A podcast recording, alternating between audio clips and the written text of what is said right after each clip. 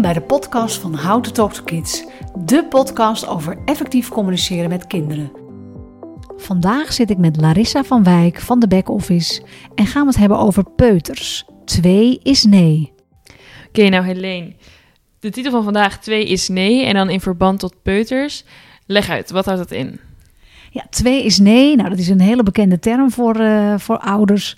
Uh, daarin wordt eigenlijk die peuterfase bedoeld waarin kinderen, waarin peuters de hele tijd nee zeggen. Hm. Nou, dat nee zeggen, dat kan je echt tot waanzin drijven. Maar het is eigenlijk een hele belangrijke uh, fase. Want dat nee zeggen, dat betekent dat ze loskomen van ons. Dat ze hun eigen identiteit gaan ontwikkelen.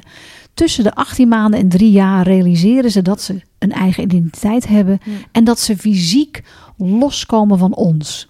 Ze gaan ook het woordje ik gebruiken. Het is dus niet afzetten tegen jou, het is ook niet persoonlijk bedoeld. Maar het is juist een hele belangrijke fase. En dat is een hele fijne, als je er iets meer over weet, van hè, hoe, hoe is die ontwikkeling van peuters, dan kun je ze ook beter begrijpen, kun je beter bij ze aansluiten en wordt het leven makkelijker met een peuter. Want het, is, het leven is gewoon heel pittig met een peuter. Want ze, zijn, ze worden eigenlijk door heel veel volwassenen als heel lastig ervaren. Uh, ze kunnen zich niet beheersen. Ze lopen van tafel. Als ze in een grote ruimte zijn, dan gaan ze spontaan rennen. Ze raken alles aan. Uh, ze willen iets meteen, nu, gelijk. Ze zijn heel impulsief. Uh, ze hebben driftbuien. Ja, het zijn eigenlijk uh, ja, voor volwassenen een hele lastige leeftijd. En ze zijn ook wel, ja, denk ik, de minst begrepen menselijke wezens op deze aarde. Oké, okay, hoe bedoel je dat? Nou, ze, het zou fijn zijn als we ze beter gaan begrijpen. En als we ze anders gaan bekijken, anders gaan kijken en luisteren naar peuters. Hmm. Dat helpt ze zodat ze lekkerder door deze fase gaan. Okay. En um, ja, de Terrible Two, toen ik ook zelf met deze fase uh, met mijn kinderen ja, in aanraking kwam. Nou, ik wist ook echt werkelijk niet wat me overkwam. Um, zeker bij mijn dochter ook. Dat was echt een schatje. Ze zien er ook vaak heel koddig uit. En op een dag begon dat. En dat je echt denkt, jongens, waar, waar leidt dit toe? En dat ook een vriendin van mij, die had drie dochters. En die zei, opeens worden het heksjes. dacht, ja, inderdaad. En ook met Thomas, die eerste periode, dat hij als peuter zich ontwikkelde. Nou ja, je weet echt niet wat je meemaakt. Gewoon continu, nee, ik wil het niet. Huh? Uh, een schoen die verkeerd zit. Uh, nou, voor het klein, uh, minst of geringste kunnen ze gewoon een complete meltdown krijgen. Hm. Overal waar, ze, waar je dan ook maar bent. Um, alles wat je met uh, probeert tot reden, uh, ja, door, door ze tot reden te krijgen, dat helpt allemaal niet. Dus het, het is gewoon een hele pittige ja. fase. Ja, dat terwijl ze er zo schattig ook uitzien eigenlijk. Een beetje contrast, maar... Um... Ja, absoluut. Ja, ik denk ook dat de natuur dat heel goed heeft gedaan. Dat je bijna... Um, ja, dat, dat die peuters er extra lief en schattig uitzien. Omdat ze ja, gewoon zo'n enorme heftige fase doormaken. En dat, je dan, dat wij dat dan makkelijker aan kunnen. Omdat ze er zo schattig uitzien. Maar het is... Uh, Toch ja. leuk bedacht dan. Ja. Um, en, en, die peuter, zeg, je zegt ook, het is, het is echt een pittige fase. Hoe ga je er dan mee om als een peuter iets doet wat jij echt niet wil? Ja, nee, als, je, ja, als ze iets doen wat jij absoluut niet wil, dan zijn we geneigd om uh, te gaan dreigen. He, ik tel tot drie. Um, dat je ze gaat overhalen. Dat je gaat proberen om te dreigen met een time-out. Dat zijn allemaal manieren die ik allemaal zelf heb toegepast. En waarvan ik heel vaak dacht van het voelt gewoon niet helemaal goed. En hmm. ik weet ook niet hoe het anders moet. Ik had geen andere manieren. En toen ik eenmaal in aanraking kwam met, dit, met deze methode, ontdekte ik dat het anders kan. En dat het zoveel beter kan. Dat hmm. je zelf je er veel fijner bij voelt. En dat je ook echt merkt dat je die peuter op weg helpt. Nou, wat, wat kan dan helpen? Dat is dat je het uh, gevoel benoemt, dat je de regel noemt en dat je ze een keuze geeft. Hm. Nou, om het heel concreet te maken. Bijvoorbeeld je peuter wil op de bank springen. Of ja. sterker nog, hij staat al op die bank en hij springt op en neer. Dan ben je misschien geneigd om te zeggen: joh, hey, uh, niet op de bank springen. Je weet dat dat niet mag. Hup eraf. Kom op, gauw. Ik tel tot drie. Hmm. Als je er niet afgaat, dan, dan, nou ja, dan ga je maar even op de trap of whatever. Wat je dan ook kan verzinnen. Ja. Kan verzinnen.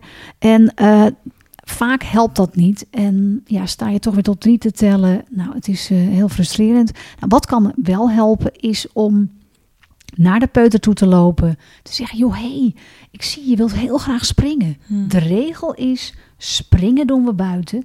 Op de bank zit je. Hm. Wil je er zelf af of haal ik je eraf? Dus je geeft een keuze hoe hij of zij er vanaf kan. Ja. En ehm, ja, dan laat je het even, hè, want een, een, een peuter moet echt schakelen. Dat zal ik zo even uitleggen wat we daarmee bedoelen. En, maar goed, als hij blijft springen, dat kan gebeuren, dan herhaal je het nog een keer. Of je gaat er zelf af, of ik haal je eraf. Hm. En als je dan niet nog steeds blijft springen, dan zeg je hoppakee en dan haal je hem eraf. Dan heeft hij ook al de keuze eigenlijk gemaakt. Ja, eigenlijk doorgaat. heeft hij dan de keuze gemaakt. Dus je hoeft dat niet dan af te wachten totdat hij eindelijk uit zichzelf van die bank eh, stapt. Want dat is voor een peuter gewoon heel moeilijk. Dus dan help je hem van, joh, je, je vindt het heel lastig. En dan zoep, idee, haal je hem eraf. Ja. En dat doe je ook voordat het bij jezelf op gaat lopen. En voordat je een sneer eruit gaat. En nou ben ik er helemaal klaar bij en nu er vanaf. Nee, dus dat doe je op tijd, zeg maar. Ja. Nou, en het schakelen, wat een hele belangrijke is. Nou, wat we daarmee bedoelen, is dat een kind denktijd nodig heeft. En dat kun je een beetje vergelijken met als je zelf auto rijdt. Mhm. En je, zit, je bent aan het rijden in een schakelauto. Hoe lang duurt het wel niet dat jij van zijn 1 naar zijn 5 gaat? Hm. Eerst ga je van zijn 1 naar zijn 2. Nou, dan ga je weer even gas geven, even rijden. 2 naar zijn 3. 3 naar zijn 4. 4 naar zijn 5. Dat duurt even. Ja. En dat hebben kinderen ook nodig. En Mm. zeker peuters. Die kunnen niet meteen hup opstaan en denken... oh ja, ik mag dat niet. Hap, ik spring spontaan meteen van die bank af. Het moet even in die hersens doordringen. Ja. En, ehm, dus dat is een hele belangrijke. En als je bijvoorbeeld moet schakelen met... eh, hè, ze moeten bijvoorbeeld, je moet ergens naartoe... of dan helpt dat ook heel erg door het even ja, de tijd te geven... dat het kan worden verwerkt in Ja. de hersenen. Maar het helpt ook om het aan te kondigen. Oké. Dus dat, eh, dat is ook eentje die, eh, die enorm helpt. En dat verwerken, ehm, dat houdt er misschien ook in dat als je een hele preek gaat geven over waarom je niet op de bank mag springen, dat het dan ook niet echt binnenkomt. Want ja, je hoort ook wel van ouders die zeggen, het lijkt of, of mijn peuter afhaakt als ik hem eh, probeer in gesprek te gaan. Maar heeft dat daar ook iets mee te maken? Ja, absoluut. Een preek, dat is zoveel informatie, dat is te veel. Waardoor die, nou ja, zeg maar, ja, afdwaalt qua gedachte. Hij kan het gewoon niet aan. Dus je moet heel kort en bondig. Ik zie dat je wilt springen. Ja. Springen doen we buiten. Eh, of je, dus geef een alternatief. Ja. Het kan ook zijn dat je ergens anders een hoekje hebt waar die kan springen. Ja. Maar het is- moet heel duidelijk zijn dat het springen niet op de bank is, eh, maar op een ander moment. Ja. En, dat het, en dat je dat alternatief ervoor geeft. Maar wel dat je het ook even kan benoemen hoe graag die dat wil. Ja. Dus dat kan helpen. En als je dan eh, een half uur later dat hij weer op die bank staat, dat is Mhm. dus ook weer, weer eigenlijk die drang. Peuters hebben een enorme drang om te bewegen. En eh, die beentjes die moeten bewegen, dus die lopen dan weer even lekker rond en die zien dan weer die bank en die denken, oh ja, heel leuk die bank. Ik ga er weer even op en ik ga eens even lekker springen. Dus dat is niet iets ehm, waarvan je denkt, ja, weet je, eh, handig, maar Ja. ehm, het is ook niet dat ze dat persoonlijk bij jou ja, bedoeld hebben.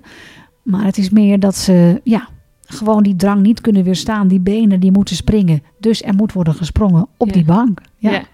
En wat nou als je voor je idee alles gedaan hebt? Hè? Je hebt het gevoel erkend. Zeg, oh, je zou zo graag op die bank willen springen. Je hebt de regel duidelijk gemaakt. We springen niet op de bank, maar we springen buiten. En dan alsnog escaleert het helemaal. Er ontstaat een driftbui. Of hoe, wat doe je dan? Ja, nou een driftbui, dat, dat wil eigenlijk zeggen, joh, ehm, ik ben het even helemaal kwijt en help mij om te kalmeren. Hm. Dus we gaan daar niet aan toegeven dat ze dan op die bank mogen springen. Maar je zegt, joh, je, zou, je had zo graag had je op die bank willen springen. Dat zie ik. En nu ja, moet je ergens anders springen. En dat wil je helemaal niet. Hm. Dus je benoemt het gevoel. Het mag er zijn, het moet er even uitkomen. En dan kan het ja, dan is het niet meteen over. Hè? Want we denken Mm. meteen, nou oké, en dan drogen ze de traantjes en lopen ze weer vrolijk door. Het kan zijn dat ze dan enorm fysiek eh, ook even dat moeten uiten. Dus dan kan het helpen dat je zegt, joh, laat het eens zien. Ik wil je op een kussen slaan. Hoe boos je bent dat je niet op de bank mag springen. Laat Mm. het eens zien. Dus eh, in plaats van dat ze jou gaan schoppen of slaan of dat ze iets kapot willen maken, eh, daar geef je heel duidelijk je grenzen aan. Dus dan zeg Mm. je, joh, ik zie het. Je bent zo boos, je wilt gaan schoppen of je wilt zelfs gaan slaan. Dat kan ik niet toestaan, maar ik wil wel zien hoe boos je bent. Dus je loopt met hem naar een een kussen of eh, je laat hem, laat hem krassen, hoe, hoe boos die is Hmm. over dat moment. Dus dat, dan geef je eigenlijk manieren om die enorme woede of die enorme boosheid over dat incident, zeg maar, om dat te kanaliseren. Om dat Ja. op een veilige manier eruit te laten Ja. gaan. Oké, en dan weer even terug naar dat eh, twee is nee. Ehm, wat nou als je je peuter keihard nee hoort roepen... terwijl hij aan het schreeuwen is of aan het spelen is met zijn broertjes of zusjes... of iemand op de peuterspeelzaal. Ehm, als er ja, problemen ontstaan eigenlijk dus ehm, met samenspelen of... Ja, als ze echt eh, samen tegelijkertijd met iets willen spelen. En vaak is er dan één ja, peuter of één kind met, met iets aan het spelen. Nou, ik kan bijvoorbeeld voorstellen een, eh, een driewieler. Hè. Ze willen alle twee op de driewieler. Er zit er eentje op. Nou, dat is ook weer typisch een peuter. Die loopt dan een ruimte binnen, ziet een ander kindje op die driewieler. En dat is wederom zijn enorme impulsieve drang. Hm. Hij wil het nu. Hij ziet die, die leuke, gezellige driewieler. En hij wil er nu meteen op. Dus Ja. hij duwt die andere vrolijke vriend ervan af. Nou, ehm, dan ben je geneigd om te zeggen: jongens, samen delen, samen spelen. Of eh, je zegt: joh, we hebben nog een eh, driewieler, ga daar maar op. Nee, jouw peuter heeft het op die driewieler ge- gemunt. Dus dan ben je veel behulpzamer als je het op een andere manier aanvliegt. En wij zeggen altijd dan gebruik het woordje zodra uit je vertrouwen naar degene die moet, wacht, eh, moet wachten, maar ook uit je vertrouwen naar degene die er al op zit. En ja, dat je ze echt handvaten geeft om hoe daarmee om te gaan. Dus je zegt dan: hé, hey, ik zie, hij wil heel graag nu op die driewieler. Dat zie ik. De driewieler is nu bezet. De regel is: als er iemand op de driewieler zit, dan is het speelgoed bezet. Dan kunnen we er even niet op. Hm. En dat is heel lastig, want je wilt er nu heel graag op. Hm. Kunnen we vast even paaltjes neerzetten of blokjes waar jij strakjes met de driewieler omheen kan fietsen?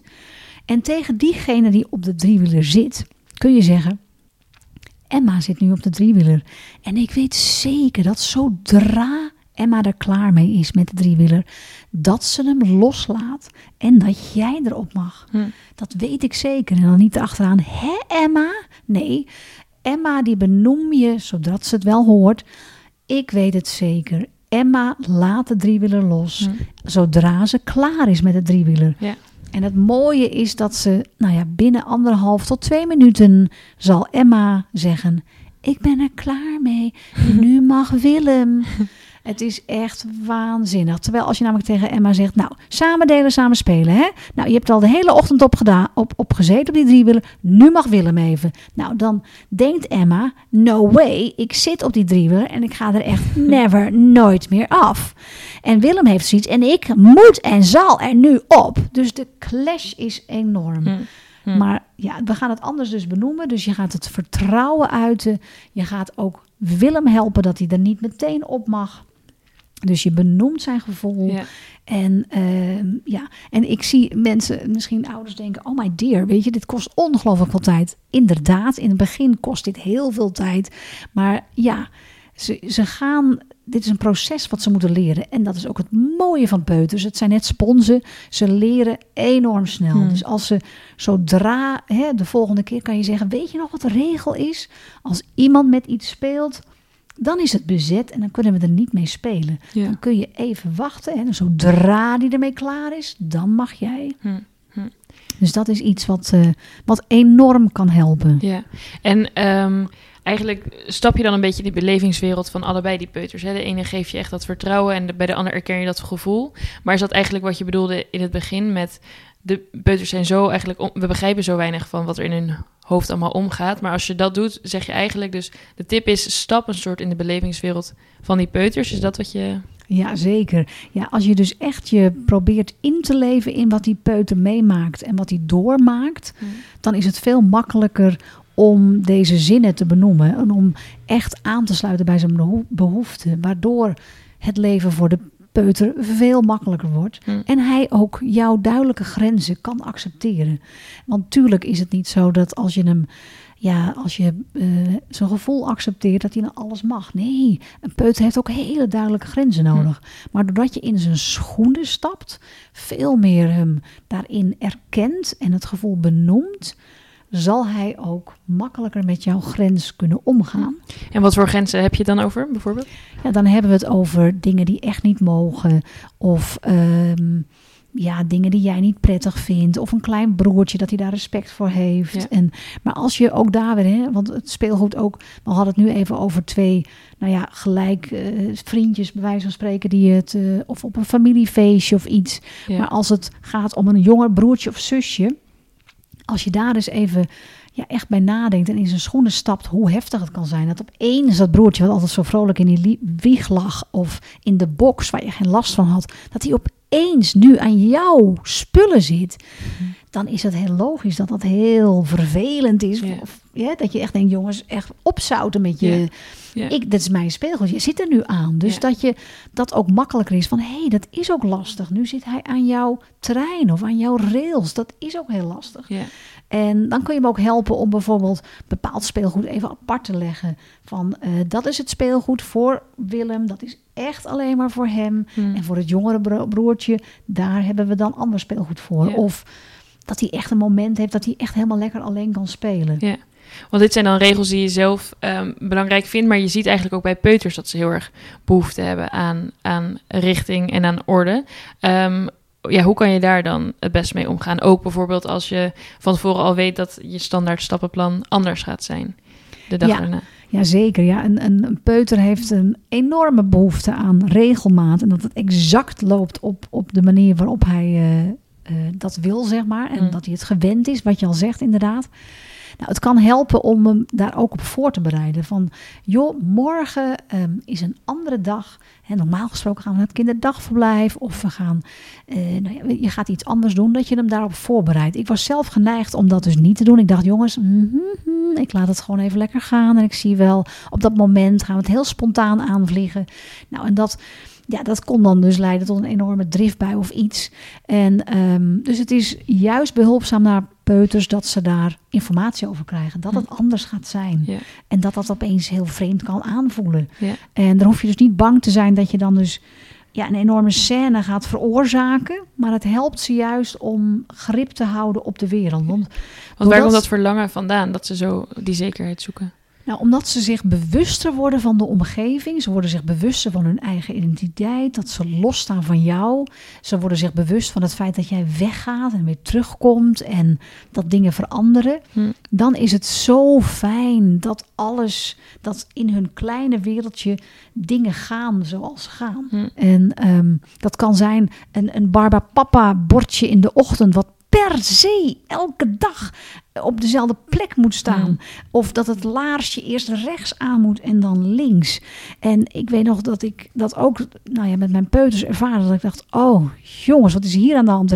Volgens mij hebben ze een, een bepaalde vorm van autisme. Wel Dat je denkt, wat is dit? Wat, wat? Maar het is een hele logische. Als je eenmaal weet Hm. Ja, dat ze opeens bewust worden van die omgeving.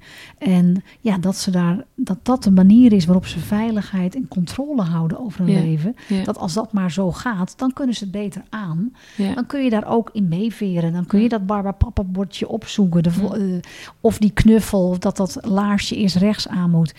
En als het niet zo gaat en als het niet kan, omdat het Barbara Papa bordje weg is of weet ik wat, kun je hem weer helpen door het gevoel te benoemen, het verlangen te verwoorden. Wat zou het fijn zijn als het Barbara Papa bordje er, er weer zou zijn. Ja. En dan moet je dus dealen met een ander bordje. En dan kan het misschien helpen om ja, een beetje humor te gebruiken. Of om ehm, te zeggen, kun je je voorstellen hoe, dat, hoe dit bordje zich voelt? Wacht even, laten we even luisteren. Ik ben het... Nou ja, wat zullen we noemen? En Donald dan Duck. Het Donald Duck bordje. Ja, en, en ik vind het zo fijn dat je nu eindelijk een keer eet uit mij. En niet uit het Barbara Papa bordje. Nou, dat vinden peuters heerlijk, want die snappen dat. Dus die vinden dat dan, hè, als de, de, de driftbui tot gekalmeerd is. Dat moet je niet doen midden in een driftbui. Dan moet er eerst worden gekalmeerd. Dat is de EHBO-kit bij peuters. Maar daarna, ja, dat is ook weer het mooie van peuters. Het gaat, het komt op Hm. en het is daarna weer weg. En het was ook alsof het er nooit geweest was. Ja. Ja, niet alsof ze de hele dag zagrijnig zijn. Nee, omdat ze, Ze eh, blijven niet hangen. Ja, soms kan het wel zo zijn dat ze blijven, iets een beetje blijven hangen. Maar vaak is het zo dat ze een enorme driftbui hebben. Dat ze dan daarna weer vrolijk meegaan. Dat er alsof er niets aan de hand is. Terwijl Ja. jij denkt, jongens, hm. Ik heb het zweet nog op mijn rug staan. Ehm, ja, dus dat is ook weer het mooie van peuters. Het ja. komt en het gaat. Het gaat heel snel Ja. omhoog. Die, die emoties die vliegen alle kanten op. Ze zijn gewoon heel erg in het moment dan. Ze zijn heel erg, eigenlijk heel erg ja, in het moment. Ja, absoluut. En eh, nou, je hebt van alles ehm, genoemd nu en tips om ehm, een beetje je in te leven in, in een peuter. Maar wat, wat is nou iets wat je ook echt heel erg mooi vindt aan deze leeftijd? Wat, wat je zelf hebt opgemerkt bijvoorbeeld? Nou, dat ze zo authentiek zijn. Dat ze zo, ze zijn zo puur. Hm. Ze zijn zo eh, ja, in het moment ook. Hè. Ik bedoel, je gaat dan naar school en ze zien een bloem. En dan kunnen ze dan uren bij, sta- bij stilstaan. En tuurlijk heb je daar geen tijd voor. Maar eigenlijk, ja, als je een keer een moment creëert dat je daar wel tijd voor hebt. Dus door bijvoorbeeld een kwartier eerder weg te gaan. Hm. Of door op zaterdag een keer eh, lopend wat boodschappen te doen. En ook echt een keer in een soort zen, meditatie, mindfulness. Nou, dat, dat hebben ze allemaal. Compleet van nature. Hm. Ze zien iets en ze gaan er volledig in op. En ze hebben ook helemaal geen oordeel. Of ze zijn zo puur. Hm. Ja, dat is gewoon heel mooi. Ja. ja. Ja, en ze zien ook veel of, ja, van alles. En ze onthouden ook meer dan dat je zelf denkt. Of, eh, Ja, ja, zeker. Ja, ze zijn ook heel erg, ja, heel erg capabel, waarvan wij dat helemaal niet, niet, Ja. niet weten. Ik weet nog dat ik dat, die, dat mijn oudste anderhalf was en dat we in de auto ergens, weet ik waar, door Nederland reden. En dat hij zei, papa auto. Dan ik, nou, papa auto, nee joh, die, die rijdt helemaal niet. En dan reed er precies een, een weet ik wat, een type hm. auto met hetzelfde stickertje en hetzelfde dingetje. En het klopte exact. Oh. Of als je ehm, op weg bent ehm, naar je moeder en eh, je hebt helemaal niet gezegd dat je daar naartoe gaat. En je bent, oma, dat ze dus al heel vroeg iets herkennen van de straat. Dat je denkt, wow, inderdaad, ja, we zijn vlak Mm. bij oma. Of eh, hoe komt hij nou bij oma? We rijden helemaal niet bij oma. Oma, wacht even. Ja, bij oma staat ook precies zoiets. Oh, ja. Dus ze zijn net, ze weten eigenlijk zoveel meer dan wij Ja. denken vaak. En ze zijn zo ongelooflijk leer, leergierig en ze zijn net een spons. Ja, dat het ook een hele mooie fase is. Nou, en ik hoop dat je dat gaat zien. Dat je, ja, dat je anders gaat kijken naar je peuter. Hm. Dat je meer in zijn schoenen kan gaan staan. Want ik weet ook hoe ongelooflijk lastig deze fase is. Ik weet Hm. nog dat ik erin zat. Ik dacht echt, hoe lang duurt dit nog? En het is de peuterpuberteit. Nou, ik dacht echt, ah. Als iemand dit van tevoren had bedacht, had ik hier misschien niet eens aan begonnen. Maar eh, ja, Ja. het is, eh, je komt er doorheen en ik hoop dat het je gaat helpen. ja, en dat je in de En- tussentijd er ook nog een beetje van kan genieten. Juist van hoe eh, mooi putters zijn. Ja, absoluut. Ja. Oké. Nou, dankjewel. Bedankt voor het luisteren naar de podcast van How to Talk to Kids. We hopen dat het je geïnspireerd heeft. Voor meer How to Talk, volg ons op social media, at How to Talk to Kids. Of kijk op onze website www.howtotalktokids.nl. Hier vind je onze boeken en trainingen die je kunnen helpen om onze methode eigen te maken. Don't waste more time. Start now.